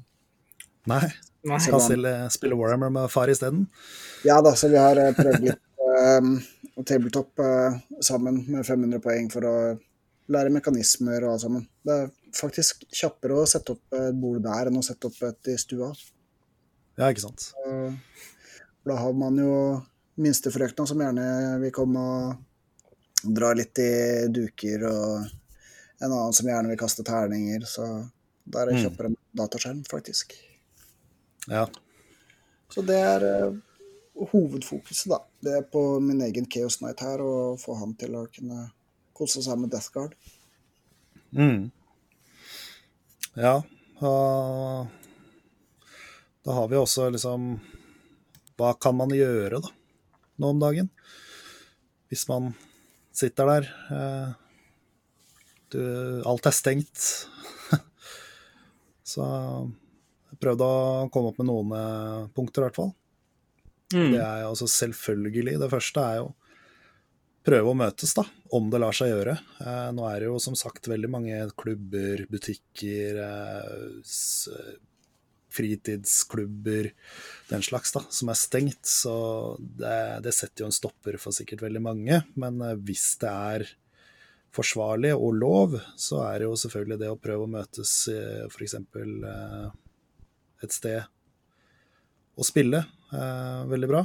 Men eh, Ja, altså det er noen klubber som eh, har eh, åpent under veldig, veldig strikt regime, med at kun to til fire personer i lokalet, så, sånne ting. Men eh, jeg vet ikke om det, hvor lenge det vil være lov heller, egentlig. Så Nei, det blir jo spennende å se hva de gjør i dag òg. Det kommer nye regler i dag. ja, det gjorde det jo. Mm. vi får se etterpå. Ja. Ellers så er det jo Ja, det er jo det du var innom, da. Male det du har liggende. ja. Det er jo mange som har både Piles of Shame, Closets of Shame, og Tore sa vel The Apartment of Shame. ja. Så det er mange som har mye liggende. Det er vel en sånn uh, sykdom vi alle lider av. At vi har mye liggende. Så det Er ikke det en del av hobbyen, da? Jo, det er en del av hobbyen. det er jo det. Ja. Det er litt sånn samling. ja. Hoarding. Nei, men det å prøve å få, få malt det man har, det er jo selvfølgelig bra. Fordi da alle har en backlog, og det å få få det ut på bordet og få en oversikt og få putta det sammen og fått noe maling på det, det, det er bra. Mm. Da får man også kanskje litt andre tanker rundt hvordan man kan spille med det, eh, eventuelt hva man ønsker eh, videre, eh, den type ting, da. Så Ja, og det som du også gjorde, Glenn, det var å organisere malepulten din. mm. Det er jo så bra tips. ja. Det er fort gjort at du finner fram det du bruker, og av maling og den slags, og du maler med det, og så setter du det bare rett eh, midt på bordet, og så finner du neste og neste og neste, og så til slutt så har du liksom en sånn fem ganger fem centimeter eh, punkt på denne, dette skrivebordet ditt som det ikke står noe på. Så det er greit å få tatt et røsk innimellom. Eh, Nå beskrev du akkurat den pulten jeg sitter ved nå. sett noen bilder, så Nei, men det er ikke dumt, det, altså. Og ikke minst det å faktisk få litt oversikt over hva du har, i hvert fall hvis du har vært i hobbyen lenge. Mm. Så kan det være at du har eh, ting liggende som du kanskje har glemt. Så få ting litt fram i lyset, da. Eh, ellers så er det jo en annen ting som uh, som eh, jeg uh, ofte gjør òg innimellom, og flere jeg kjenner også som er veldig ramme på det, og det er jo de kaller for theory hammer, altså teorihamring. Sitte der og bygge lister i Battlescribe eller eh, 40K-appen eller hva du ønsker å bruke, eller papir og blyant for den saks skyld. og Prøve å finne nye måter å lage lister på, lese seg opp på kombinasjoner og den slags. Det, hvordan eh, forhold dere har til det? Eh, Jeg har en god del um, eh, Excel-sheets med utregninger av gjennomsnittet av damage av ja, math hammering, da. Mm. Mm. Eh, Alt fra tøffnes 3 til tøffnes eh, 8. Hvor mye forskjellig damage de forskjellige våpna gjør. Fordi altså, med mine Chaos Knights så har jeg da noen som slår med styrke 12 eller styrke 6 og dobbelt antall attacks ved svakere styrke osv. Og, så og hva, hva de fungerer bra mot, da. Mm. Så det, det er noe som på en måte er veldig grei eh, mental gymnastikk, da. Så Og i hvert fall nå som eh, Death Guard kommer med sin minus én damage og så videre og så videre, så må man starte helt på nytt med et nytt skjema igjen for å kunne være, ha en viss eh, tanke om hva som vil være effektivt der. Det, det er noe jeg liker å gjøre, det, i tillegg til å lage lister, selvfølgelig. Mm. Da ny hobby jeg har fått da, er hva man skal bruke som for summoning. Ja. Der har jeg også fått en viss eh, lyst til å teste det. Med Character Nights og summoning av eh, screens, f.eks. Og det er mye morsomt man kan gjøre der. Så God tanke, det. ja, teori er gøy. Så, men uh, sikkert én av ti som funker i praksis. Ja, ikke sant. Så er det jo en annen ting også som eh, kan være spennende, men som kanskje Det blir jo å sette av litt mer tid til det, da. Det med å sitte med og bygge lister og sånn kan du jo nesten gjøre hvor som helst. Om du gjør det på toget eller uh, gjør det på do, holdt jeg på å si. Så, så er det jo det å lese seg opp på taktikk, da. Uh, egentlig taktikk og regler. uh, både for dine egne hærer og ikke minst andre hærer. Eh, det er, eh, i hvert fall hvis du tenker deg å spille kompetitivt i turneringer, så er det veldig kjekt å kunne litt eh, regler for andre hærer og ha litt oversikt på hva de gjør. Mm. Det er også det å se på battle reports da, på YouTube f.eks. Sette av litt tid til det, så er det mye triks å lære der, altså. Ja, å høre på podkast òg er jo fin. Mm, mm. Men det som er viktig, er at folk faktisk leser seg opp på reglene til sin egen hær. Ja. Ja. Det kan ikke stresses eh, nok. At det, Det er eh, alfa og omega, det. Å kunne din egen hær. eh, Fordi tida flyr når du spiller turnering. Ja. Gjør det, og det er utrolig feel bad hvis du kommer etterpå og innser det at du har spilt en regel eller en stat-feil, og det det er, det er ikke noe gøy. Og i hvert fall ikke når motstanderen din Eller sånn som for egen, egen del, når jeg skjønner det at jeg har tapt en kamp fordi motstanderen har spilt hæren sin feil, da er det ikke noe gøy. Enda surere. Du tapte en kamp fordi du glemte eh, diverse regler i din egen hær. Det er jo kanskje det aller verste. Det, Det er absolutt det verste. Det har jeg gjort mange ganger. Det, det kommer jeg til å gjøre mange ganger. Men apropos det med å spille feil og sånt nå, det har jeg en artig historie på. Jeg så jo på sånn battle report på YouTube i forhold til når jeg starta med Ultramarines. Og der, eh, der så jeg en video der de deepstrika aggressors. Så jeg begynte å spille med det på klubben, med at jeg kunne deepstrike aggressorene. Ja. Og så var det Steven som calla meg ut på det og sa at nei, det kan du ikke. Og jeg bare jo, jo, det kan jeg, for jeg har sett det på Battle Report på YouTube. Og så går jeg gjennom reglene i boka, og så viser det at eh, nei, jeg kan ikke gjøre det. så da Fort gjort. lærte jeg det. Ja. ja, ellers så er en annen ting da, som også man kan gjøre hvis man eh, mot formodning ikke har noe umalt eller ubygd liggende, så er det det å freshe opp gamle modeller. Eh, hvis du har uh, en hær som er fem år, eh, ti år gammel, så er det sikkert en del uh, småting du kan gjøre med de for at de ser enda mer smashing ut på bordet, vil jeg tro. Så Ja. Jeg vil også anbefale folk å spare litt på de der gamle også man har malt, for da kan man også se progresjonen sin i maling. mm. Fra hva man starta som da, for fem år sia. Når jeg drar frem en gammel figur, og så tenkte jeg jøss, brukte jeg fem timer på den her? Ja, I forhold til det jeg gjør på fem timer nå. ikke sant. Hmm.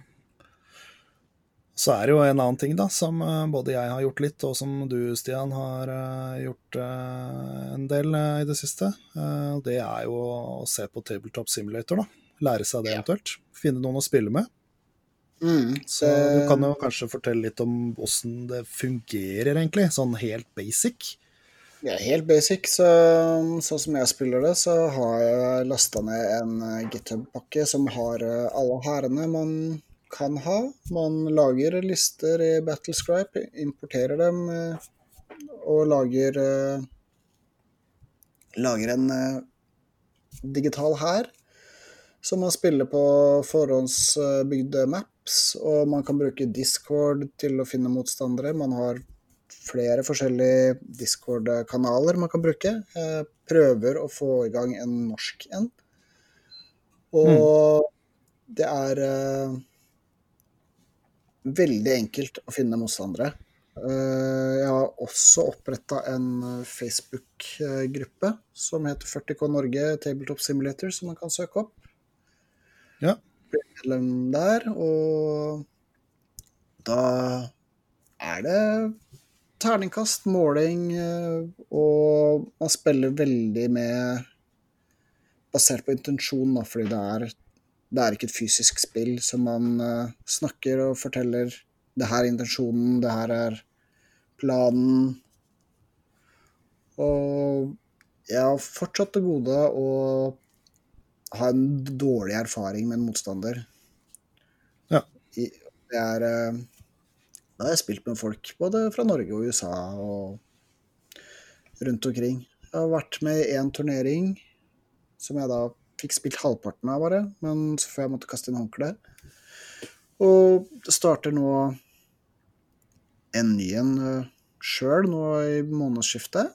Og skal Mm. være med i Danmark i samme perioden.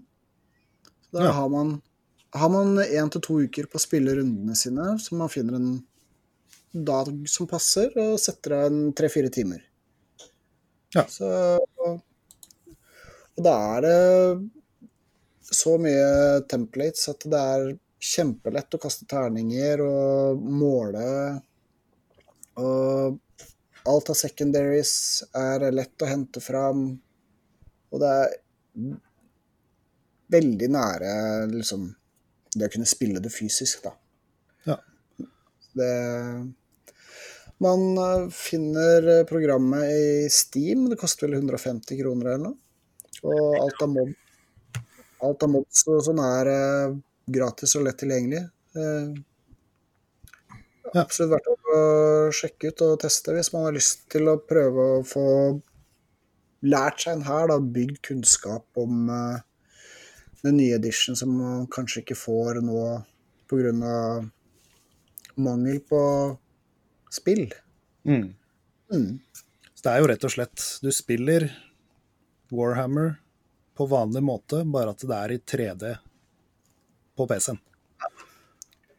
Og nei, Jeg syns det også fungerer veldig greit og var veldig enkelt å lære. Så jeg anbefaler det til de som er interessert i å spille litt. Mm. Og ikke minst bare teste litt, se hvordan eh, ting fungerer. Du kan jo sitte og kjøre litt teorihamring der òg, Mm. Ja, er du gæren. det, det å trene på deployment uh, uh, digitalt uh, er også et alternativ. fordi sånn som man kan gjøre i disse koronatider, er f.eks. å trene på deployment av egen hær. Ja. Det er noe som jeg har testa ut. Det er liksom hvordan effektivt du gjør det, hvordan strategisk du gjør det. Så det er liksom Bygge strategiene sine rundt å sette fysiske modeller på, på bordet. Mm. Det kan være en grei ting å gjøre. Eller da digitalt, hvis man ikke har alle modellene ennå. Ja.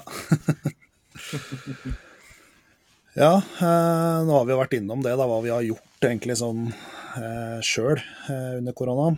Eh, jeg nevnte også tidligere i stad at eh, spilte litt Crusade.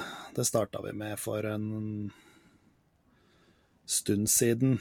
eh, I en sånn lokal gruppe med folk jeg har kjent siden tidenes morgen, holdt jeg på å si. Så det også er en morsom, eh, morsom ting. Jeg tenkte eh, i en annen anledning så kan vi sikkert eh, gå gjennom litt Crusade. For det, det er nok veldig mange som spiller kompetitivt eller casual. men det å spille Crusade, eller altså narrative spilling, er ganske annerledes, altså. Man må snu huet sitt litt, men det er også veldig gøy. For så lenge du klarer å stille ram til at du Det er ikke sikkert du kommer til å vinne. Uansett hvor bra du spiller. Så ja, det er spennende. Eh, så, men den kan vi sikkert prate om en annen gang. eh, For der har vi virkelig eh, lagd et skjært svært system, altså. Videreutvikla hele Games Workshop sitt. Så der er det planeter og invasjoner og diverse. Det høres kult ut. Så ja. Eh, men nå har vi jo gått gjennom litt av liksom, hva man kan gjøre, da. Eh, nå som det er eh, nedstenging over eh, hele linja. Men hvis vi kan Har vi noen ord om liksom, motivasjon, da? Hvordan, kan vi unngå at lufta liksom, går ut av ballongen? For det er jo eh, viktig å liksom, holde seg engasjert, da. Holde seg motivert. Hvis man ikke får spilt på lenge, eller ikke syns det er noe gøy å male, eller eh, den slags. Eh, Har dere noen tanker rundt det, eller? Nei, jeg tenker jo det at eh, det å holde kontakten med folket i miljøet er viktig. Mm. Og Ja, absolutt. ikke bare sture hjemme og ikke snakke med folk på Messenger eller eh, Ja, snakke med folk, da. Og- Ja, nei Det å ha chattegrupper kan være veldig effektivt. Ja. Jeg Har et par stykker som jeg på en måte holder meg i gang med. Ja, ikke sant. Og det har sikkert de fleste. Og, og det har veldig mye å si, det. Og i hvert fall at man Hvis man f.eks. merker at det blir stille i den chatten, da, at man ikke sjøl er stille at man, Det er liksom viktig å prøve å, å dra med seg flere òg, fordi innerst inne så veit du at uh, alle er like idioter uh, som oss. Ja. Det er bare at uh, kanskje noen faller fra litt før, eller at det er andre grunner, da. Så det er viktig det, altså. Å prate sammen, selv om man ikke møtes. Absolutt. Så, og da er jo også selvfølgelig det med Tabletop Simulator en utrolig god mulighet da, Ja. til å både møte nye mennesker over internett, og ikke minst eh, kanskje få den eh, nye gnisten, da. Ja, og det er jo også en eh, kjempegod mulighet til å teste eller spille mot hærer som man ikke har i nabolaget, ikke har folk man kjenner som spiller, da. Mm. Så det å OK, wow, spille en kamp mot uh, Space Marines i en eller annen farge er noe man ofte kan gjøre ja. eller eh, hvor som helst, da. Men hvis man f.eks. OK, nå har jeg lyst til å teste en eller annen kamp mot uh, ja, si Slanesh, da. Mm. Demon Slanesh-liste, bare fordi OK Jeg kan ikke bare stikke opp til Tromsø og ta en kamp mot Are, liksom, men eh, jeg kan ta en Logge meg på og spørre i en eller annen discord er det noen spiller eh, den og den hæren som kunne tenke seg å spille på et eller annet tidspunkt. Så er det sikkert noen som rekker meg. Bare yes, OK, da gjør vi det. Så for å utvide repertoaret, da, så er det også kjempefint. Ja.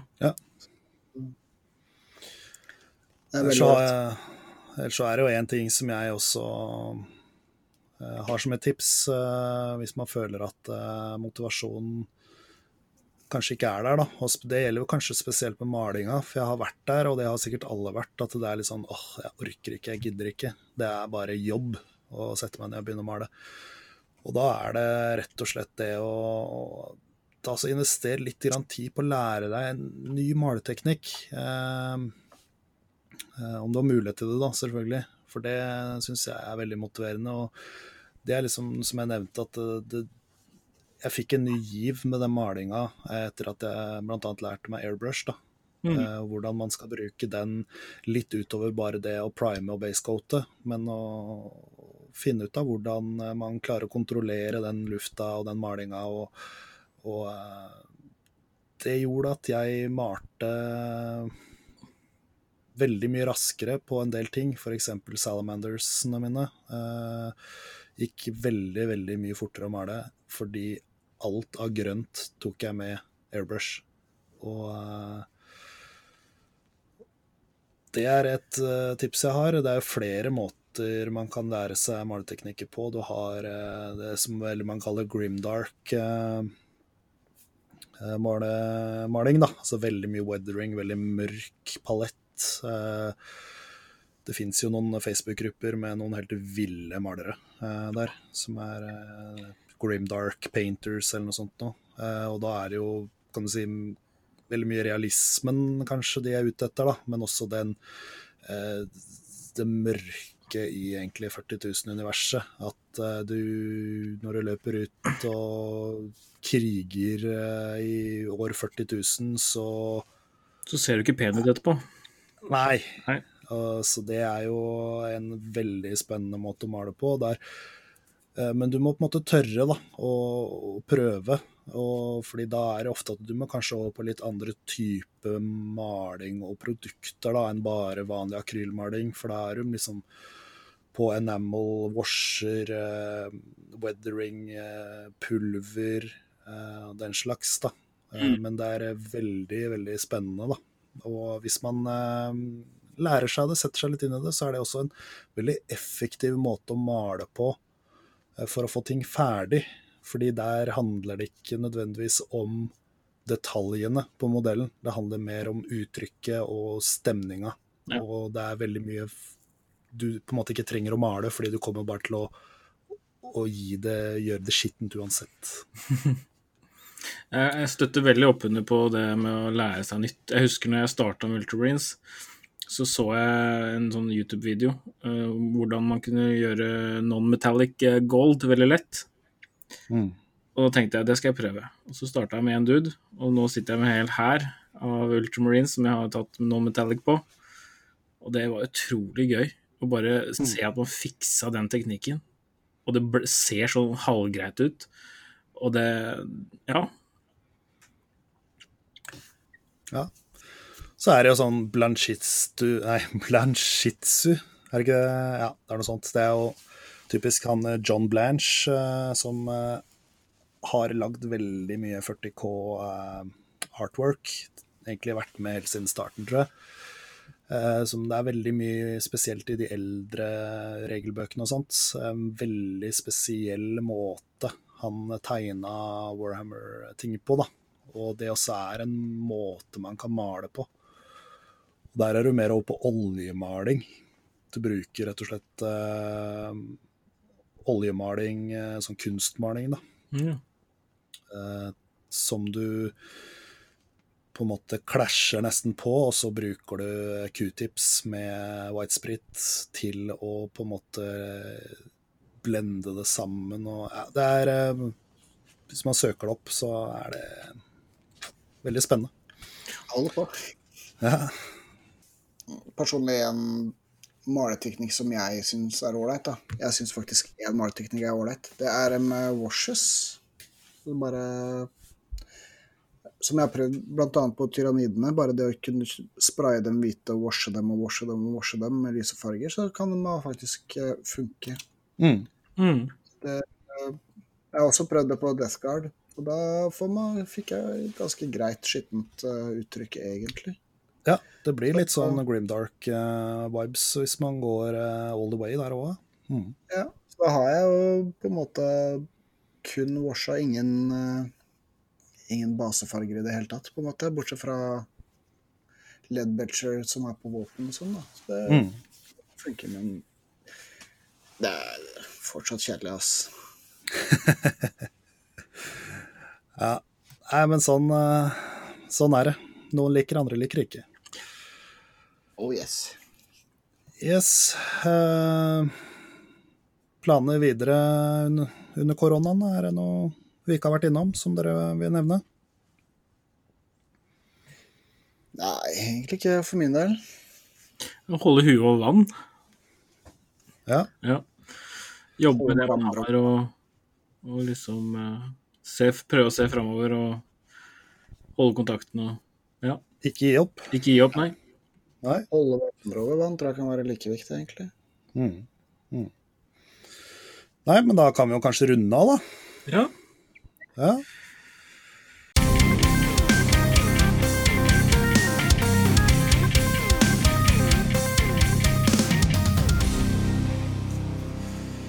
Yes. Da var det jo det her vi rakk. Eh, Så håper eh, at folk har likt det de har hørt. Og eh, gjerne subscribe, eh, så veit dere jo nå når neste episode kommer. Vi satser jo på at det skal komme en eh, til etter hvert. Mm. Det kan bli spennende, det. Ja, vi har jo litt, eh, litt grann planer for eh, diverse temaer vi skal gå gjennom, i hvert fall. Så Ja, jeg vet ikke om det tar to timer hver gang, men vi får se. ja, det er jo Dette er første gangen, så vi får se, se hvordan det går. Men eh, litt sånn hvis folk har lyst til å komme i kontakt med oss, eller eh, Hvor er det vi fins, holdt jeg på å si? ja, så har vi da Drammen Spillforening, DSF, på Facebook. Ja. Ja, eh, turneringsoppsettet starta. Eh, fortsatt håper på å få i gang igjen, er eh, Eastfold Warzone. Eh, har også en Facebook-side. Eh, Den er kommer nå til å være en del av de som, det som arrangerer eh, tabletop simulator-turneringer. Så fram til vi kan fysisk eh, møtes igjen. Så der er jeg. 40 ja. på Norge, også en Facebook-kanal man kan bruke. Den omfatter jo Prøver å omfatte det som skjer av 40K i Norge, men det er ikke så mye som skjer akkurat nå. Blant annet eh, eh, VTC-laget er jo også under den fanen der. Ja, det kan jo bli spennende å følge med på etter hvert, når det åpner for fullt, åssen det går. Jeg håper det blir eh, kjempebra. jeg. Hmm. Og så har vi FAE Minis på Instagram for å se mine prosjekter som jeg har med hobbyen her å gjøre. Ja, jeg har en Instagram, jeg òg, hvis noen vil se på noen coconut crabs. Så er det GT Minipainting på Instagram, så jeg legger jeg ut litt innimellom. Så kan man se litt. Eh, Ellers så har vi en eh, Facebook til podkasten. 40K. Med Ø og Å. Erkenorsk. Så der er det jo bare å komme med tilbakemeldinger og spørsmål hvis man har det eh, ønsker. eh, Og kan vi jo legge ut litt info og diverse der. Ris og ros. Mm.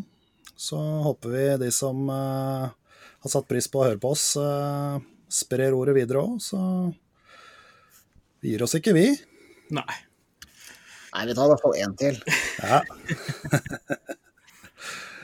Nei, men det er bra. Så da gjenstår det vel bare å takke for oss, da. Og så håper jeg at eh, dere vil høre igjen eh, neste gang. Yes. Yes. Ha det bra. Bra. Hei, hei.